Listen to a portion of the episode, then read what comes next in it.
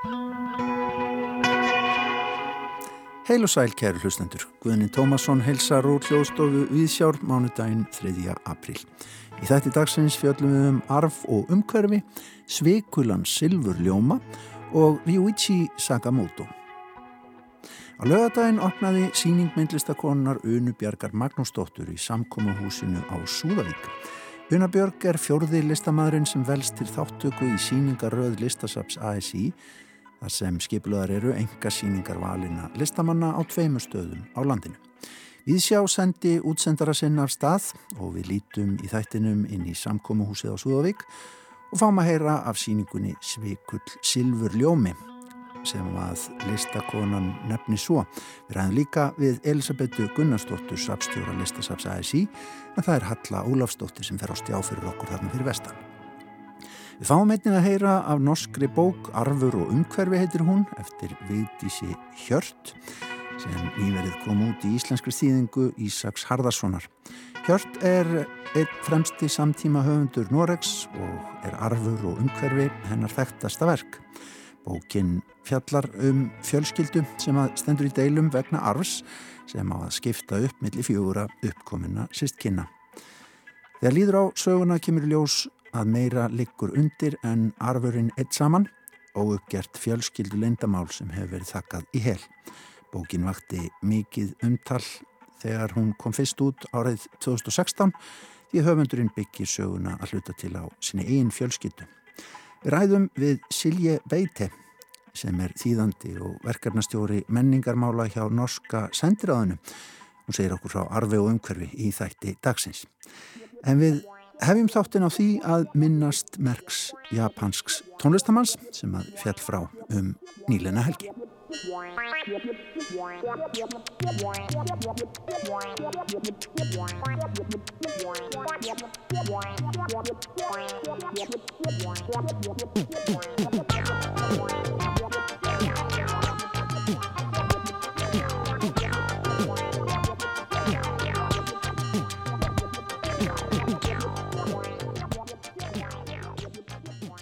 Frettir bárust á dögunum að japanska tónskáldið og tónlistarframleðandin og tónlistamæðurinn Ryuichi Sakamoto hafi látist 71 ás, hann er búin að vera að glíma við erfið veikindi síðustu ár.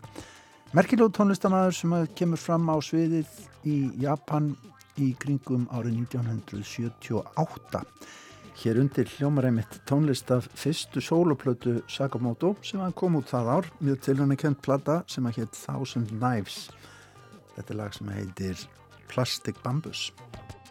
Gæstu vísjar í dag, Átni Mattiasson, þekkir til verka Sakamoto. Hvað getur þú sagt okkur um þennan mann? Er, hann er áhrifum mikill, ekki? Jú, hann er, er, er, er stórmerkilegu sko í, í, í tónlistasögu Japan og líka merkilegu bara um allan heim sko. Það sem er svo forritinett við sko þegar hann stopnar 78, stopnaður hann að Yellow Magic Orchestra þá var hann að ganga þetta í hljónsettina með hérnónum Harumi Hosono, hann hefði verið að spila með Hosono í hljónsettina hans. Og svo kemur þetta inn hérna Yukihiro Takahashi sem að hafi beðið Sakamoto um að pródúsera fyrir þessi blötu þetta, þetta, þetta gerist svona sko. Og af þessum þremur að þá er hérna Hosono merkilegastur mm. í japanski tónlistarsögu. Hann er svona, hann er svona afi japanskra nútíma popmúsikur. Mm. Þú veist, hann er svona þessi stóri en fyrir utan Japan þá er hins vegar Sakamoto svo sem allir þekkja mm. og svona, svona gerist þetta. Mm. En þeir komaða þarna saman þrýr alveg gríðarlega merkilegir tónlistamenn.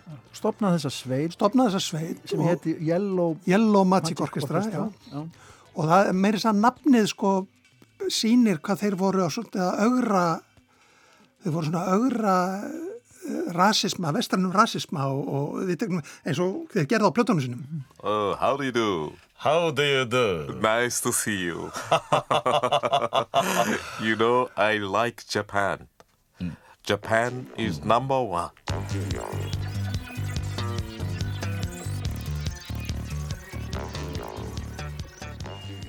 Ég stopnaði þessa hljómsveit og eru undir mjög meklum áhrifum frá kraftverk eins og maður heyrir þegar maður hlustar á, á þessa hljómsveit og hlustar á þetta og, og ég kynnist þeim í gegnum kraftverk áhuga minn á sínu tíma á fyrir að hlusta á Magic Orchestra sko. Er þetta eitthvað sem að þú ert að kveikja á þarna í kringum bara 80 eða þegar hann er að koma hann? Já, um, um 80 þá var ég farin að hlusta tölvöld á þetta Mm. og mér fannst þetta opaslega skemmtilega músík og, og svona sagt en, en sem Sakamoto gerði sko hann var svo opaslega leitandi.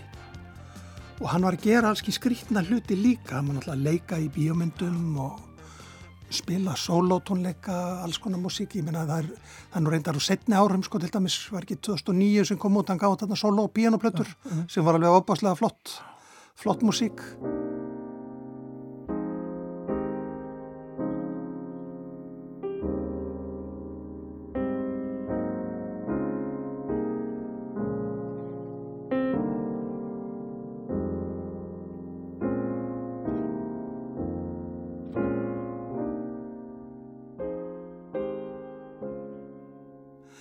hann var að leika sér með raftónlist og elektrofunk og eins og við segja sko, þú veist, kraftverk náttúrulega hafði áhrif á alla í raftónlist.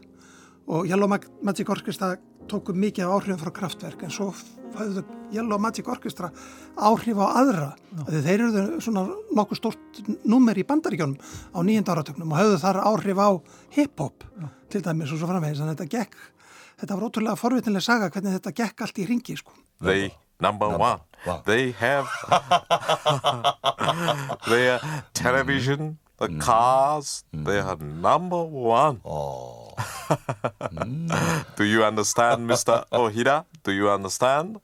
Svo stopnar hann til samstarfs við, við þekta tónlistamenn sem að, já, David Bowie kannski allra frægasta Já, já. eh, dæmið, David Sylvian nafnans. á, sín, á sínu tíma þótti það rosalega merkilegt þegar að fóra að vinna með David Sylvian Já. en það mann náttúrulega ekki eftir hver David Sylvian er í dag kannski What happened here? The butterfly has lost its wings. The air's too thick to breathe, and there's something in the drinking water.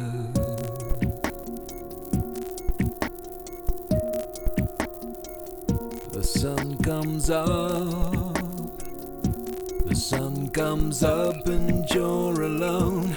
Your sense of purpose come undone. The traffic tails back to the maze on 101.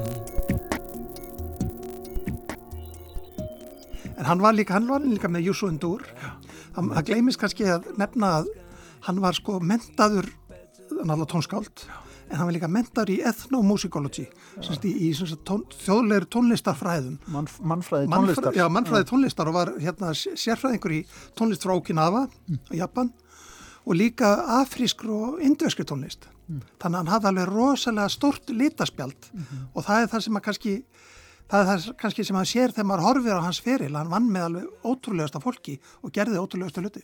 No. Japan actually they mm. work so mm-hmm. hard. They are number one. Mm. I like Japan. The beautiful Mount mm. Fuji, beautiful cherry oh. blossoms, the mm-hmm. number one beautiful country.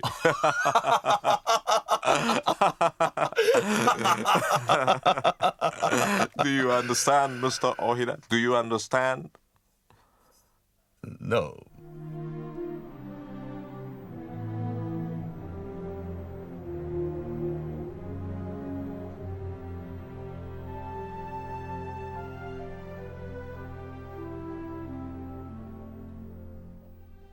Svo er hann kvikmynda tónskáld, mikil Já, virt já. og, og nær miklum árangri sem slíkur er velvernaður fyrir. Markverðlunaður fyrir það sko. Já, þekktasta dæmi líklega Last Emperor. Já, einmitt, þar, þar er einmitt nýtur hann þess að hafa þessa rosalega stóru palettu að, til að sækja í sko.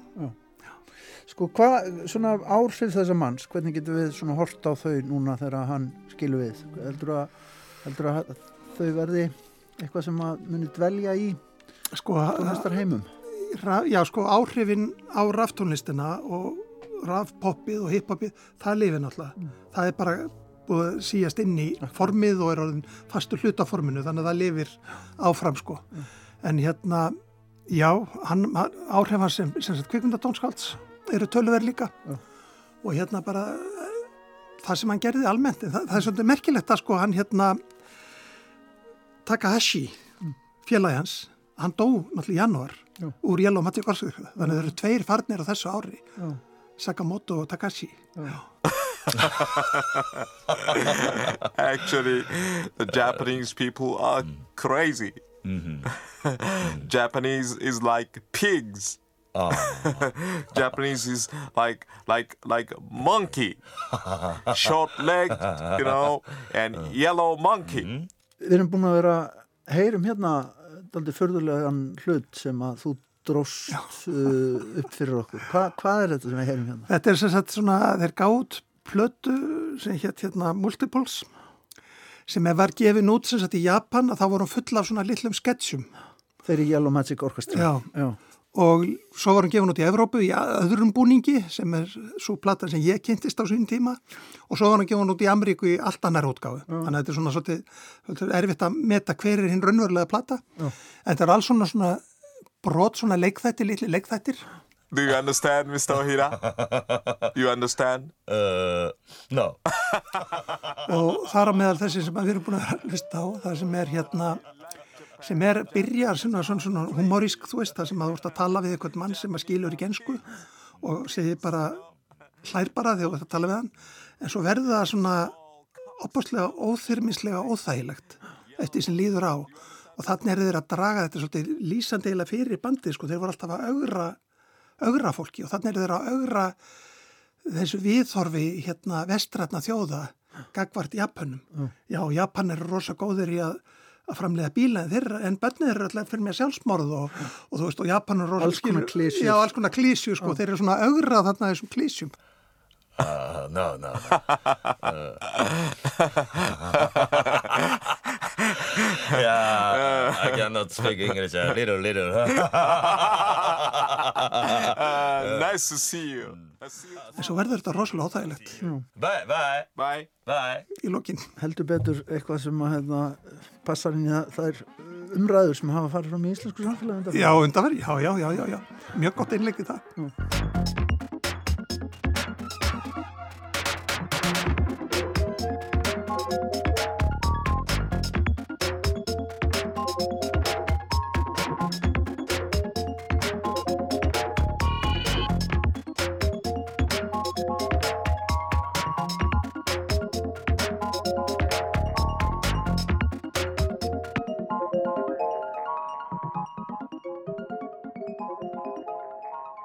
Þú valdir hérna þ- þetta sem við heyrum hér. Já, þetta er svona, þetta er svolítið svona dæmigjart eiginlega fyrir hann. hann er þetta heitir sem sagt hérna Ræjótin Lagos og hann er að taka þarna það sem er gerast tónlistarlega í Afríku og það sem hann er að hugsa tónlist, hann er að bræða þetta svolítið saman og úr verður svona nýgerð af elektroföngi, þetta er svolítið það sem hann gerði, hann tók sér satt þætti víða að og bjó til úr þeim eitthvað nýtt og þetta er reyndar mjög gott dæmi um það sko, lag sem að er á soloplötu sem að var, já, býsta mikið spilað.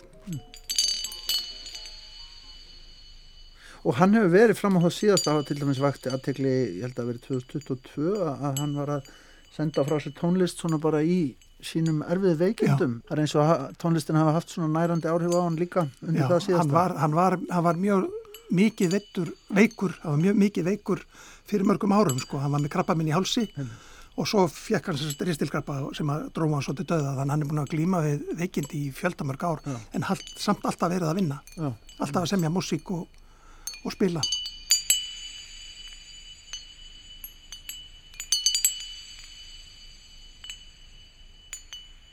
Þarna heyrðum við, já, eitthvað að allra, allra síðustu tónlistinni sem Ryuichi Sakamoto sendi frá sér á með annan liði. Hann er dáinn 71 árs gamall. Þarna var japanski meistarinn búin að taka allt í burtu nema bjöllu hljóminn einan. Átni Mattiasson sað okkur frá Sakamoto.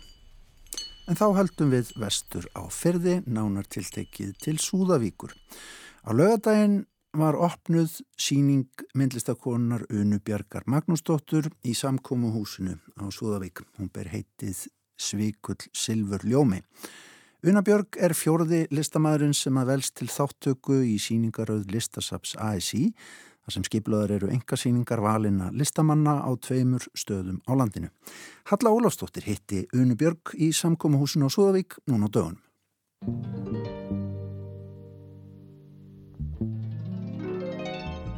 Ég stödd fyrir utan samkomuhúsið í Súðavík og ég ætla að kíkja hér inn á hana Unubjörg Magnúsdóttur, myndlistarkonu og hún er að vinna hér að því að setja upp síningu. Góðan daginn, sæl, blessu. Vertu velkomin. Takk fyrir. Hvernig gengur? Það gengur vel. Við erum bara að leggja loka hönd á sýninguna. Lýstu þess fyrir mér hvar við erum staddar. E, við göngum hérna inn í salin, aðal, aðal sal húsins og það tekur á móti okkur leikustjöld en það vantar sviðið. Þannig að þetta er svona er svolítið sérkennilegt rými en í því rými er ég búin að vinna verk sem er handriði sem að fer inn í þetta rými þar sem að sviðið ætti að vera og gengur hérna út í, í hátíðasalinn. Já.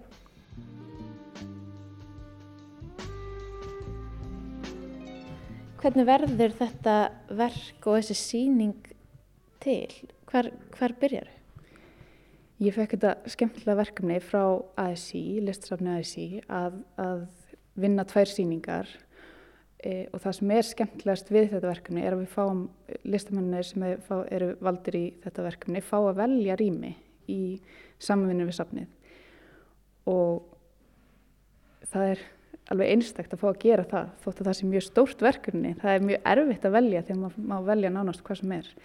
En við skoðum rými sem að svona, þjóna einhverjum ákveðnum tilgangi eins og sundlegar eða bíósali, e, skíðaskálar e, og sér hvað fleira. En svo var þessi sam, þetta samkumhús fyrir valinu aðalega út af, út af því að það vantaði sviðið. Það allt í hennu varð var einhver kjarni hérna sem hægt var að vinna með.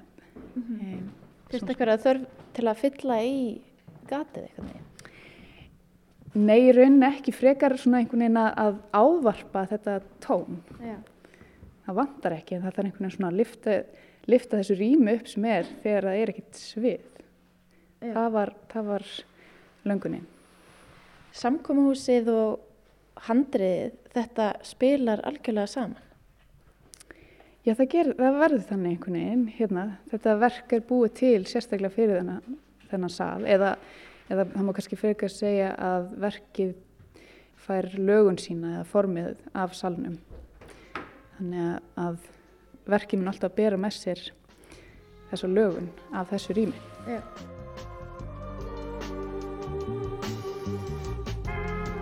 Hvernig sprettir þessi hugmynd að handriði? Já, sko, mér, þetta er handriði einhvern veginn það sem er, þetta er allstaðar í, í hérna, almenningsstýrimum. Og þetta er svona á mjög passívan hátt stjórnar okkur, stundum á mjög aggressívan hátt, en hérna, þetta er einhvern veginn allt um líkjandi og það er svona, svona verið að íta aðeins við okkur að fara þessa leið eða eitthvað. Og þetta þóttu mér einhvern veginn vera eitthvað efni sem ég gætt unni með. Þannig að þetta handriði hér í samkomuhúsinu býr til eitthvað innra rými eða markar e, jaðar einhvers ósýnilegs rými sem er hérna e, og maður þarf að- ganga ákveðna leið til þess að komast fyrir innan handriði í, í það rými þannig það er svona mjög blíðan hátt að stjórna, stjórna gestum sýningarnar. Og verður kannski ekki til fyrir en að gestir síningarinnar mæta? Nefnilega. Það, það, það kallar á að það sé fólkina að, að ganga um og skoða og þá virkjast eitthvað. Þetta er megin verk síningarinnar en svo ertu með fleiri lítil verk ef að lappa hérna einmitt, fylgjum handriðinu. Já, á veggjanum eru, eru örulitla myndir sem eru svona í stíl við handrið. Það eru líka svona ljósgrænar eða rammarnir eru ljósgrænir eða blaðgrun upp á þýsku og í römmunum eru silfurmyndir sem að sjást ekkit endilega nema frá ákveðnum sjónarhóðnum. Og það er kannski kveikja á titlinum, titlinum á síningunni sem er Svikull Silfur Ljómi, eða hvað? Já, þetta er ákveðin vísun í, í það og svo vísar tillin líka í sjónkringar eða hyllingar en einmitt þessar myndir svona tala til til, til, til. Þú hefur leikið svolítið að sjónkverfingum og hefur svolítið leiðarstef í verkum hjá þér. Þú skilur ekki alveg við sjónkverfingarnar hér heldur. Það eru nokkur verk einmitt sem að, tala til þess og það kannski helst er verk sem að hangir fyrir aftan leikustjaldin sem er samt sem áður líka leikustjald. Þetta er tvífið mynd af, af eh, leikustjaldum sem ég er, er bara tölvutekning. En það glittir aðeins í þau þannig að það er svona eins og sé rými fyrir aftan leikustjaldi sem hanga hérna inn í rýminu. Og erfitt að átta sig á því hvað er raunverulegt. Já, í fyrstu allavega þá getur þetta bara verið partur af leikustjöldunum eða einhver tjöld sem hangaði hana fyrir aftan. En svo þegar, þegar, þegar gengið er nær þá sést að þetta er mynd.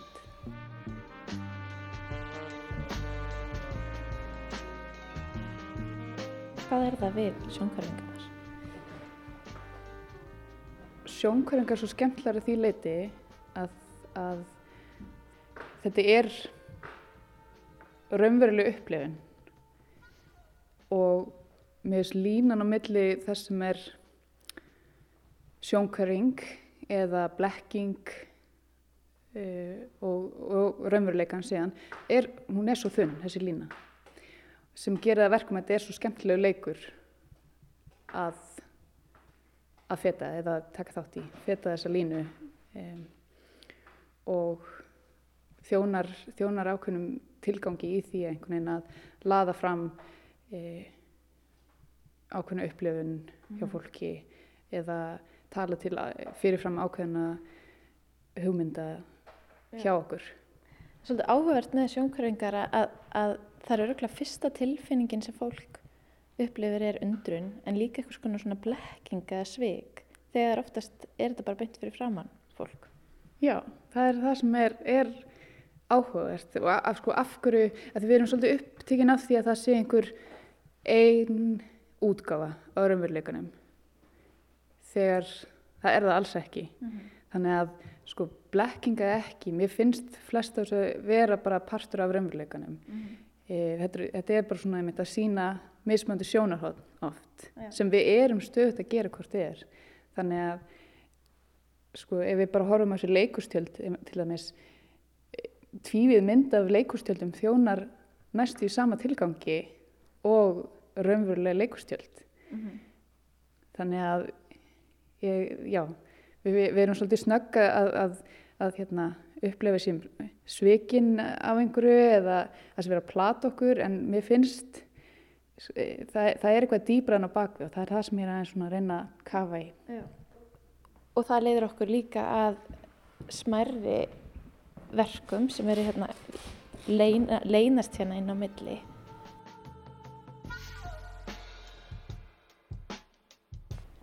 Ég er vera að teppalegja. Já. Teppalegja stöflin.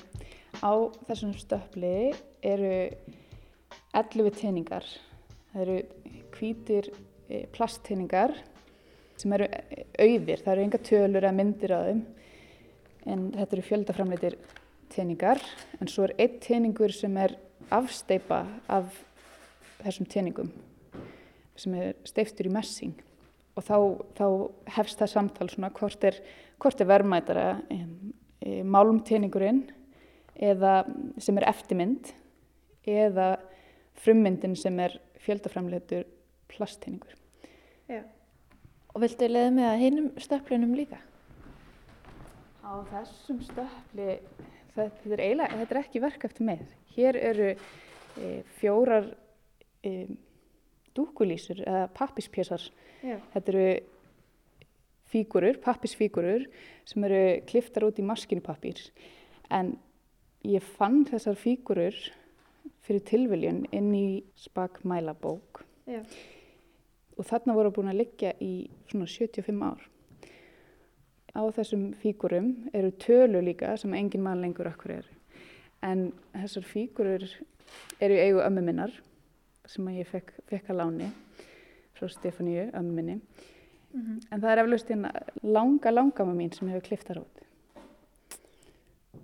Að því þeir eru búin að liggja, þessir, þessir fígurur eru búin að liggja vel varðveittar í öll þessi ár og getur allt eins að verið kliftar út í gær. En svo einhvern veginn núna fá þar, fá þar hérna stað til þess að vera en það, það er einhvern veginn, ég veit ekki, það er einhver svona tilfinning að það, getur bara að fara að molna niður en það er hérna, En þú hefur sett þær á svið. já, nú fá þar hérna smá rými til þess að sína sig og sjá aðra en það er einhvern veginn búin að, þær eru búin að vera í, í sínu rými á milli þessar blaðsnýðina í öllu Já. og það er átt einhvern veginn vel við að vera með. Upplifur að þær séu svolítið berskjaldaðar hérna. Já, að vissu leyti. Bæði fyrir bara súrefninu einhvern veginn og vera komnar út úr hérna bert loft og örygginu neða, einmitt. En á sama tíma þá er eitthvað svona, það er standa svona keikar hérna. Já. Það er rétt þar, það er svolítið berskjald. En þær eru glæða að muni standa þetta af sér. Já, ég vona það. Já.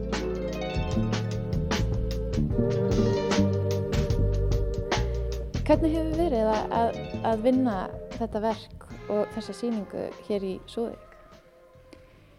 Það er búin að vera mjög ánægilegt en þetta er búin að vera svolítið svona fjarsamband. E, við skoðum rými og völdum síðan þetta rými en, en e, það er erfitt að ferðast, ferðast oft hingað að vetri til. Þannig að ég, er, ég kom hingað einu sinni áður en ég kom hingað síðan til að vinna að Og þá gengdi húsið allt öðru hlutverki. Já, þá var ennþá jól og það var verið að selja flugvelda hérna fyrir, fyrir 13. Þannig að húsi var undirlagt og það var stærðarinnar jólatríja hérna inni. Þannig ég þurfti svona aðeins að horfa í gegnum það til þess að sjá eiginleika rýmisins. En það er það sem er skemmtilegt við þetta hús að þetta er virkt samkómuhús og það er stöðut eitthvað í gangi hérna og það er dásanlegt að fá svona stinga inn einnig sýningu á milli, milli hátíða hérna. Þetta er engasýning sem að, að, þú heldur hér en, en henni er ekki beint lokið með sýningunni hér þótt að hún var hérna þennan mánuðin. Um, það er framhald. Já, það er, það er önnu síning uh, sem verður setna árinu í Mósfellsbæ. Safnið, listsafn ASI, þau vinna þannig að þessi eru tvær síningar, uh, ein á höfuborgarsvæðinu og ein á landsbyðinni. Þannig þetta er fyrir sýningin og svo verður hinn sýningin setna árinu og partur af þessari sýningum mun, mun fylgja þangað eh, en það fyrir líka eftir rýminu og við hefum eftir að finna, finna endanlegt rými fyrir þá sýningu en þannig að þessa sýninga muni tengjast einhver leiti með því að verkin fari þangað og svo vera ný verk sem að spretta út frá því rými. Kæra þakkir fyrir spjallið Unnabjörg Magnúsdóttir og gangið er vel með þessa sýningu og þá næstu í Músusbæi haust. Kæra þakkir, takk fyrir. Það var Halla Ólafsdóttir sem rætti við myndlistakonuna Unubjörg Magnúsdóttur um síningu hennar Svikulan Silfur Ljóma sem að stendur yfir í samkómahúsinu í Súðavík fram til 20. og 3. april. Þetta er síning á vegum listasafs ASI. Og við ætlum að halda okkur í samkómahúsinu þarna á Súðavík. Halla rætti þar einnig við sapstjóra listasafs ASI Elisabetu Gunnarsdóttur og þær tiltu sér á tvo kolla í einu af síningarýmum samkómahúsins. Ég komin inn inn í eldúrskompu í samkomuhúsinu í Súðavík með Elisabetu Gunnarsdóttur. Þú ert sapstjóri listasaps ASI, ekki satt? Jú, Hvernig fer síning eins og þessi síning Unubjörgar af stað fyrir listasap ASI?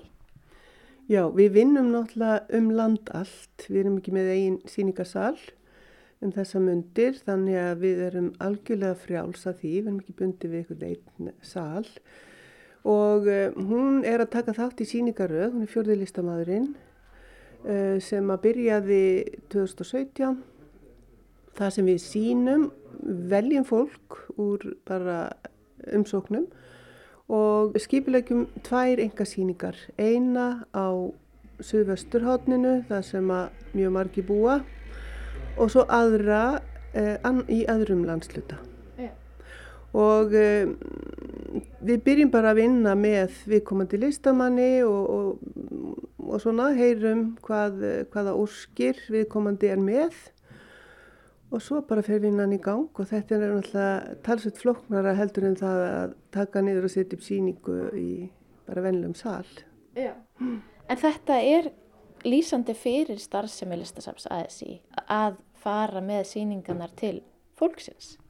Já, þetta er nefnilega, þetta er svolítið, já, sérstatt safn og á sér engan líka, ekki heirt um neitt, já, hverki heiminum bara. Uh, að því að þetta er, það, það eru hagsmuna samtök launafólk sem eiga þetta og uh, þegar það er stopnað fyrir 60 árum þá er það mikið hugsunafólk sem setur þetta stað og tilgangurinn er að fræða og koma listinni, koma góður í myndlist á framfari við fólk sem kannski hefur ekki svo auðveldan aðgang. Já. Og þessu haldið í, í heiðri? Já, við gerum okkur besta. Þetta breyta svolítið aðferðinar á samfélagi breytist og, og, og þetta er allt, allt annað núna heldur í 61 þegar það samnið að stopnað. En, en samt sem áður, uh, það, það, er, það er að mörga huga og, og mjög gaman að leita upp í staði sem að gæti verið hendugir og móttækilegir fyrir svona samtímalist. Og svo eigum við þetta líka mjög gömul og, og, og hérna, verk eftir gömlu meistaran og við erum líka að færa þau, fyrir með þau í ferðalög. Já. Það kom fólki eða mörgum á óvart þegar síningasalurinn var seldur en finnst þér að hann hafi, það hafi jafnvel bara opnað eitthvað nýtt?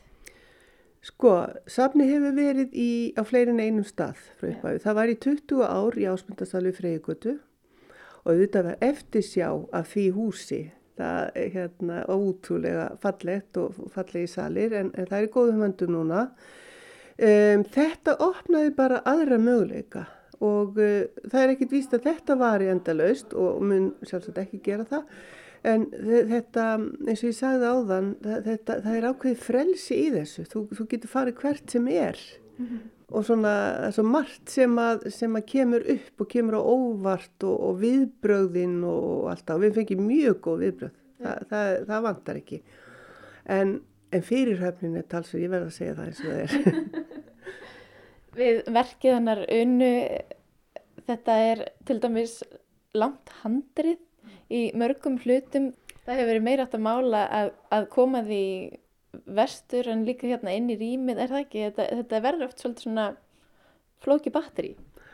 Já, veistu það, ég, sko, myndlistamenn eru snillingar og þeir eru vanir að retta sér og þetta var allt úthugsað hjá henni en hins vegar endaði það með því að ég legði stóran flutningabíl og keirði þetta sjálf við fjöllin. Og það hérna já, það, það, það er bara ekkert sem að stoppar okkur. Nei.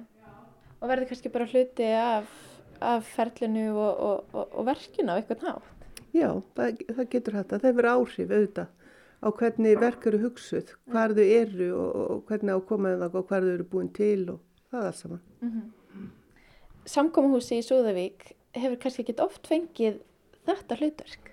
Uh, ég veit að þetta hús á sér mjög skemmtilega sögu að því þetta hefur verið svolítið hjarta þessa samfélags hérna frá því 1930, þannig er 100 ára gamalt og hér hafa verið sko þorrablótin og jólaböllin og giftingaveislunar og fermingaveislunar og allt þetta Uh, ég veit að það hafa verið myndlistasýningar hérna, það hefur verið ekki hérna kaffihús. Kvikmyndasýningar mann ég eftir? Já, já, já, já, það er ennþá kvikmyndasýningar græðunar hérna upp á lofti, mér döður langar að aðtóa hvort, það virka, en ég held, veit ekki til þess að, að þetta hús hafi verið tekið svona algjörlega allt undir sýningu fyrr. Nei.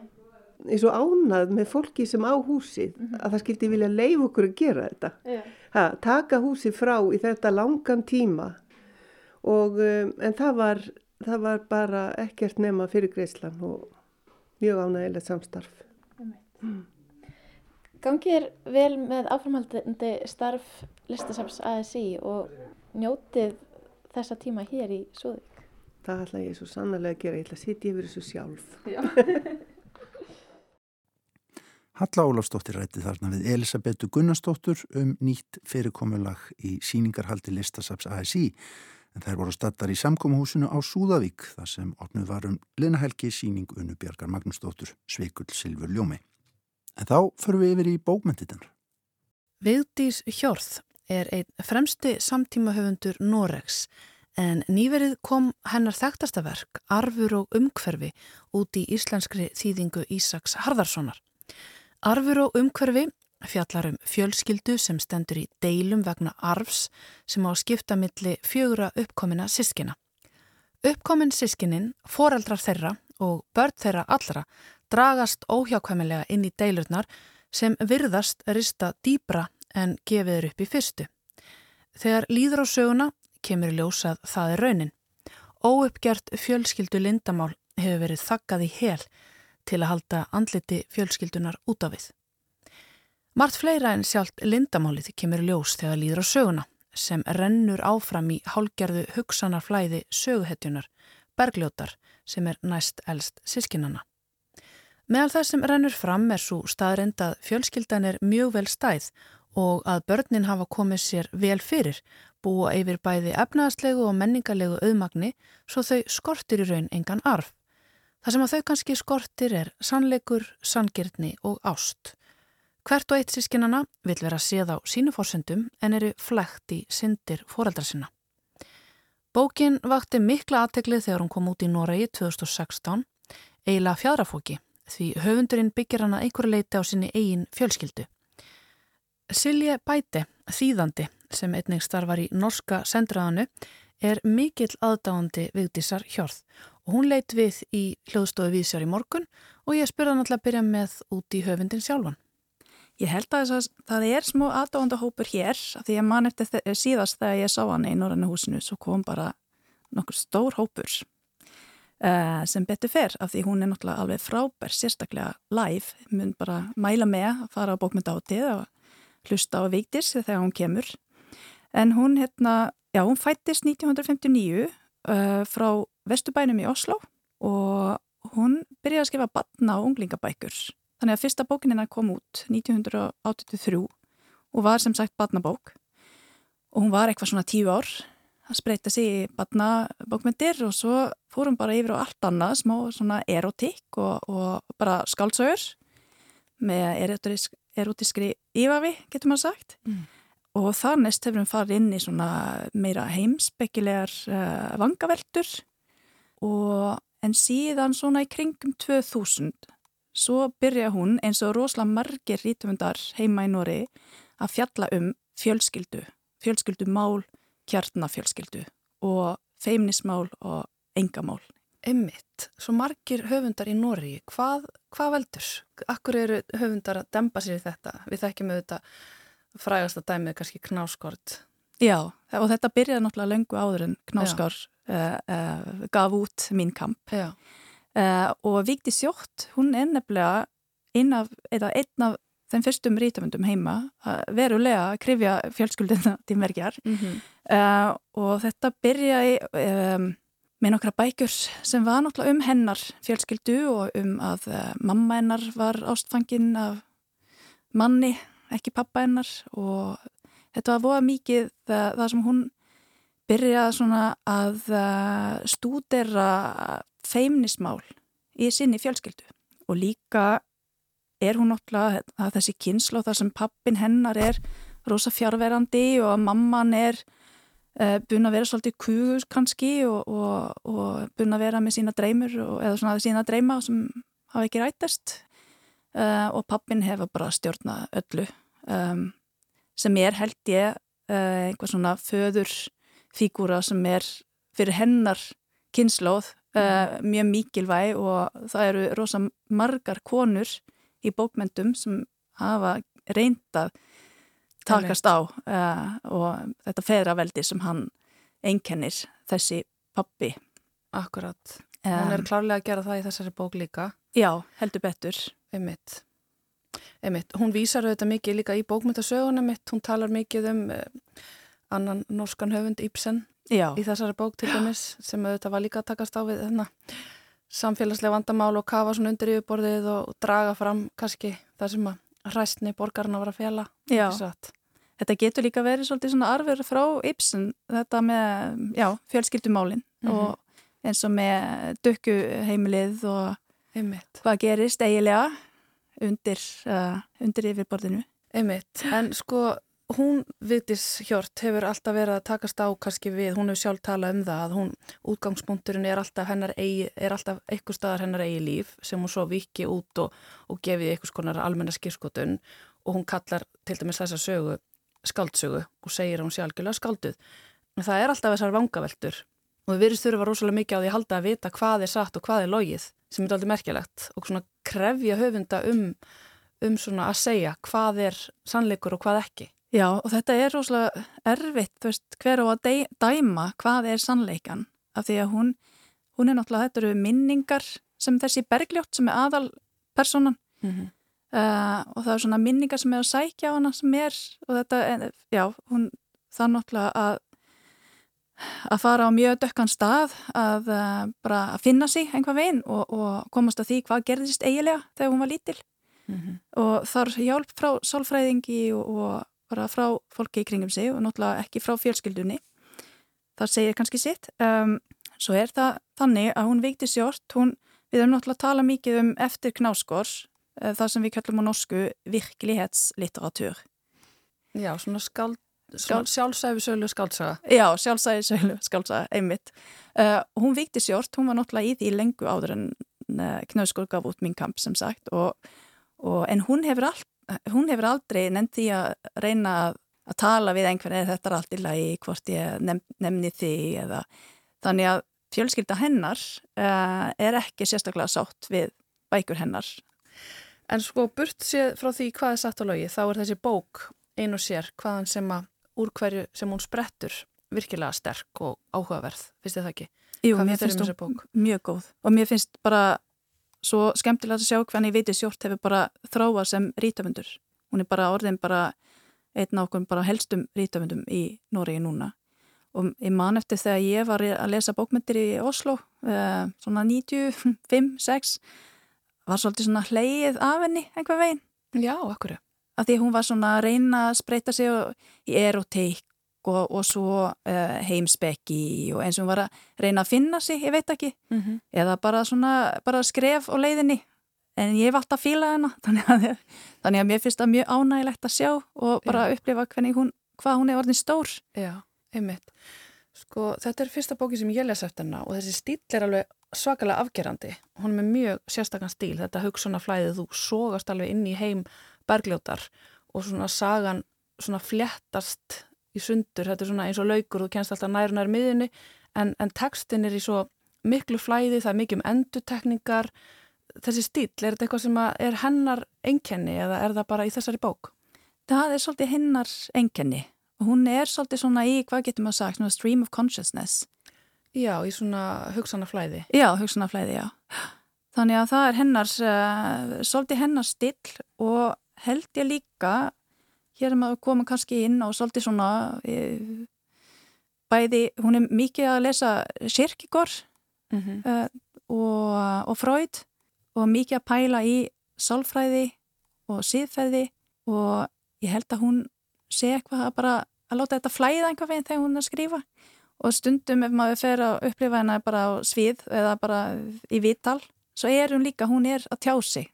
Hún, bara, þetta er bara hennar still held ég svona yfirleitt líka þegar hún er að tala og hennar Einmitt. karakter Já, það er mikið um vísanir, við töluðum á hann um Ibsen og það er Freud og hérna, hún er líka, það er svona eiginlega ein miðja í bókinni sem er gjörningur eftir Marinu Abramovits Já, og það er aldrei flott hvernig hún notar hann svona aftur og aftur um mitt, Mhm. kemur alltaf að sömu hlutunum aftur eitthvað meginn. já, þetta er svona endutekningar sem er mjög vel hefnar Einmitt. stundum bara, stundum eru endutekningar ekki vel hefna í bókum en, en hér virka þetta vel En hérna bókin, eh, eins og ég saði hér uppafi, hún fjallar sem sagt um fjölskyldulindamál eða bara myrkan atburð í fortíð þessara fjölskyldu sem að flettist svona ofan af og eh, ekki bara um þennan atburð, heldur líka bara um reynslu þess sem að er þakkaður niður, hvernig það er að vera ekki séður af sínum nánustu.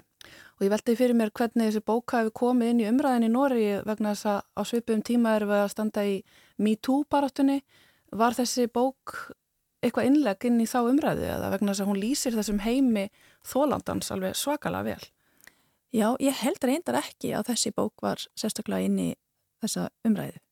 Hún fjallaði náttúrulega líka um, bara um misnótkun og, mm -hmm. og sifjaspell uh, og uh, það var hérna norsku rítafundur sem heitir Herbjörg Vassmo sem skrifaði bók 1981 Huset með den blinde glassveranda og þessi bók var held ég svona fyrsta skáltsáða sem fjallaði um sifjaspell og kona sem skrifaði mm.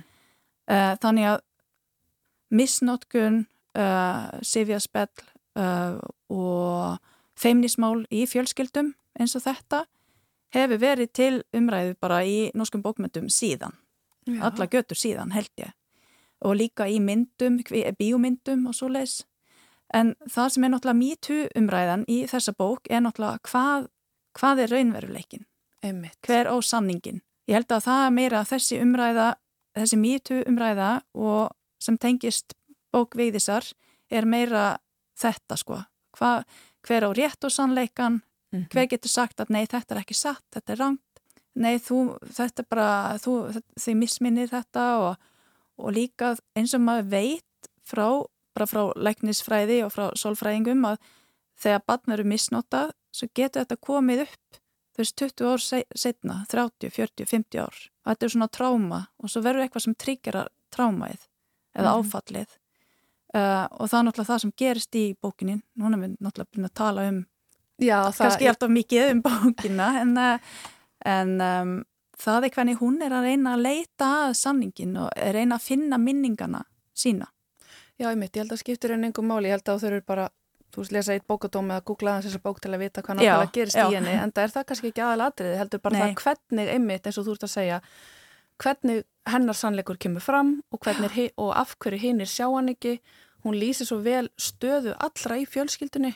hvernig þetta svæði er grátt en ekki svart og hvít hvar mm -hmm. mörkin liggja og líka ekki og svo eru aðrar personur mjög mikilvægur í bókin eins og móðurinn sem að er eins og sagður á hann kúuð, sýsturinn sem vil vera diplomat en á endanum eru það kannski diplomatarnir sem eru gera aðstæðunar en erfiðari vegna þess að þá tekur engin einharða afstöðu sem að er kannski það erfiðasta Já. eins og hún lýsir í þessari bók. Og svo er það bara eh, þessi pappi sem er eins konar svona alfa kall sko sem meikar heldur ekki að fá sónin sem er mjög velhefnaður bara viðskiptafræðingur og, og íþróttamaður eins og pappin getur það ekki. Hann verður að halda honum aðeins frá sér. Einmitt. Eins og það er svolítið hrættur um að hann mun taka stöðu hans einhvað veginn. Það er líka mjög stór þáttur í bókinni og sem ég held að margir normenn og öruglega margir íslendingar þekkja og það er bara, ok, fórölda falla frá eða eru ennþá í lífi hver á að fá sumabústæðin Einmitt. Það er náttúrulega allir í Noregi sumabústæði En mjög margir Já. og þetta eru sumabústæði sem kannski einhver byggdi 1950 sem eru við sjóin sem getur verið um, kannski komið upp svona 200 miljónir íslenska krónur núna sko. Þannig að við erum með að tala um alvöru mikla peningar. Eða, það er mikla peningar. Mm -hmm. Það er það og það eru rosa margir sem eru að kjósa þess að eiga bústar saman svo verður eitthvað eitthvað rifrildi það líka. Mm -hmm. en hér er náttúrulega fóreldar búin að ákveða ok, við eigum tvo sugumbústaða, við eigum fjöböld þá er bara tvö börn sem með að fá sugumbústaðin okkar. Og hinn tvö ætla að fá smá pening svona á múti en sem kemur ljós og það er bara allt of upphæðin er bara allt of lág miða við hvað svona sugumbústaðir kosta. Einmitt. Þannig að það, bókin byrja svolítið svona praktist í þessu, þetta er arfurinn af hverju og svo er náttúrulega bróðir hennar Bergljóttar er náttúrulega hefur samband við hana uh, af því að hann er ekki ánægum með þetta, honum finnst að fóræðra þeirra er búin að halda honum frá fjölskeldunu einhver veginn. Uh, Bergljótt hún hefur sjálf valið að fara út úr fjölskeldunni en hann hefur verið svolítið svona á kantinum einhver veginn og þannig að hann er því að draga Bergljótt inn. Þannig að þetta eru bróðurinn og Bergljótt gagvart, gagvart hinnum í fjölskyldunni. Emitt, þannig að það er svona útgangspunkturinn þessi, þessi sumabústæðir og þessi arfur sem að verði sér eitthvað miklu starra mál. En og málið er kannski það að hún er ekki bara fjallað með þessu tölum áðan ofbeldi sem á sér stað heldur afleðingar þess. Og, og svona hvernig ofbeldi raun erfist nákvæmlega eins og landið. Og þarna er verið að takast á við land þannig að maður velti fyrir sér sko er hún ekki líka að vísi eitthvað stærra? Þú veist, er þetta ekki, hún hefur sjálf sagt að bókin sé mjög pólitísk. Þannig að maður velti fyrir sér sko hvort að hún sé mögulega líka að tala um fólk sem er hlutlaust þegar kemur að út að hún vísa að tala mjög mikið um stríð það er þarna einn persóna í bókinni sem er alltaf vinnurinn sem er mikið að skrifa um stríðsátök. Já, þannig að við erum alltaf að heyra af átökum til dæmis í, hérna, fyrir botni Miðrarhafs á milli Ísrael og Palestínu og á Írlandi. Þannig að maður velti fyrir sér er hún að tala um kannski eitthvað starra samingi? Já, það er algjörlega. Og kannski að ef maður er meðvirkur svo fer maður laun. Já, einmitt. Maður fer landið. Einmitt. Uh, og hérna hinn sem eru á móti eru bara útskofur, útskofur kannski. Já, maður getur kannski sagt að þessi bók er pólitisk þannig séð að þetta fjallar um land og um, en líka um gildi og, og um meðverkni. Já, þetta er bara alveg stórmerkileg bók og nú er þessi bók sem kom út í Nóri 2016 og var bara að koma út í íslenski þýðingu en uh, það kom núna bara í haust út ný bók eftir hana Já. sem að þú ert hérna með, með þér og varst að klára að lesa, kannski örstuðt að fá að heyra vegna að þetta tengist þessari bók ekki satt. Já, þessi nýja bók heitir Er móður döð, er móður döð en ekkert spurningamerki Þannig að það svona, sýnir alveg þessi sama kona, þetta er ekki bergljótt en það er eins konar, hún er að, hún er að reyna að, að þráa bergljótt í annað ótt þannig að hér hefur konan farið frá fjölskyldunni og farið til bandaríkjana. Hún flutti sem sagt í bandaríkjana mm -hmm. og er ótið listamæður, listakona. Þannig að hún fer tilbaka til Noregs og ætla að vera með síningu í Noregi, bara orðin virtur uh, listamæður eða, eða listakona. Og þá, hún hefur náttúrulega ekki haft samband við móður eða sýstir síðustu kannski 20 árin. Og svo hefur hún alveg rosalega þörf fyrir því bara að sjá hvernig móðurinn lítur út. Hvernig er hún, hvað ger hún? Hvaða fött er hún í, hvað ger hún þú veist, yfir daginn og sýstirinn þannig að hún er, svolítið, hún er bara að vera svolítið svona stókar og er svona í kringum þeim að reyna að komast inn og þeirra já, við þeirra raunverileiki eða hverstagsleiki, getur maður sagt. Eh, það hefnaðist ekki alveg eh, og hér í eh, er móðir döið, þá er pappin döður fyrir löngu síðan. Þannig að hann er farin út úr sögunni. Þetta hljómar eins og þetta sé, já, þetta er bara hljómar eins og þetta sé sama fjölskylda og byrkt á sama grunni en kannski frá okkur allt öðru og nýju sjónarhóðni. Þetta er færi sískinni hér. Já. Þannig að það getur verið að þessi bók er svona fylgir uh, frívilja eða ég veit ekki hvort hún er að reyna að nálgast þeim. Einmitt. mömmu og, og sýstur en uh, þessi bók er líka mjög góð ég mæli með. Mm -hmm. Við skulum bara vona að Ísak Harðarsson þýði þessa bók sem var að koma út og er hálgjert framhald af arf og umhverfi. Takk fyrir komina Silja. Takk Hallarætti við Silju Beite þýðanda um Vigdísi Hjort og bókina Arf og umhverfi sem nýverið kom út í þýðingu Ísaks Harðarssonar. Og það er rétt að geta þess að Hjort verður einmitt gestur á bókmyndaháttíð Reykjavíkur sem hefst 19. apríl. Náraðum það síðar hér í Vísjá. En takk fyrir samfélgin í dag. Verðið sæl.